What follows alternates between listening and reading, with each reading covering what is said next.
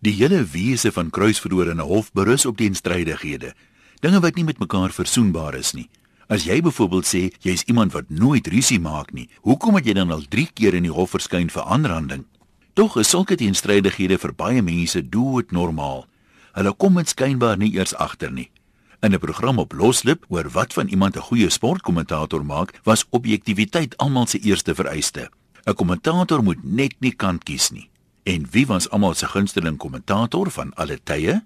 Gerard de Villiers, dieselfde man wat gedink het Pierre Fourie moes 'n paar boksgevegte gewen het, waarvoor Pierre self en sy afrigter nie eers hoop gehad het nie.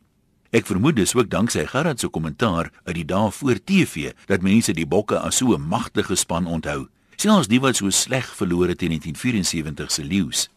Hier's nog iets wat moeilik met mekaar versoen kan word. Veral Afrikaanse mense sien hulle selfs as flikse mense en vertel graag dat ons mense wat oor see gaan werk oral in aanvraag is omdat ons harder werkers is as inwoners van die meeste ander lande.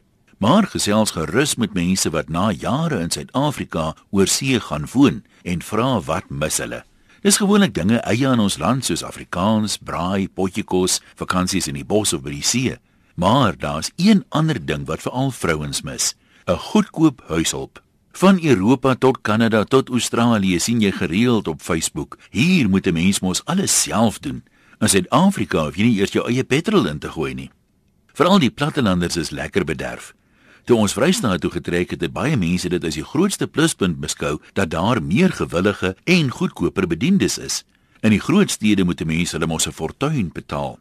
Wat ek nie lekker verstaan nie is hoekom mense wat groot geword het met die luukse van bekostigbare arbeid om die huiswerk en die tuinwerk te doen, dan sal ontpop as die vlugste mense oor see.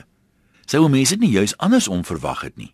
Mense sê gereeld vir my, hulle sal gou iemand kry om my te help dra aan my toerusting. Dan sê ek nee, dankie. Ek is al so gewoond om my eie goed te dra, dis regtig nie moeite nie. As jy gewoond is om jou eie kar te was, soek jy mos nie iemand om dit vir jou te doen nie. Dis net as jy gewoond is iemand anders doen die werk dat jy dit mis dan seker 'n logiese rede hiervoor, maar nou is die lewe mos nie logies nie.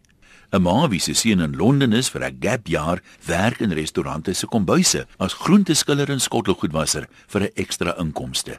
Dit verstom haar. Hier was hy te verdomp lui om sy eie sokkies op te tel en nou skil hy vrywillig groente in die vreemde vir ander mense.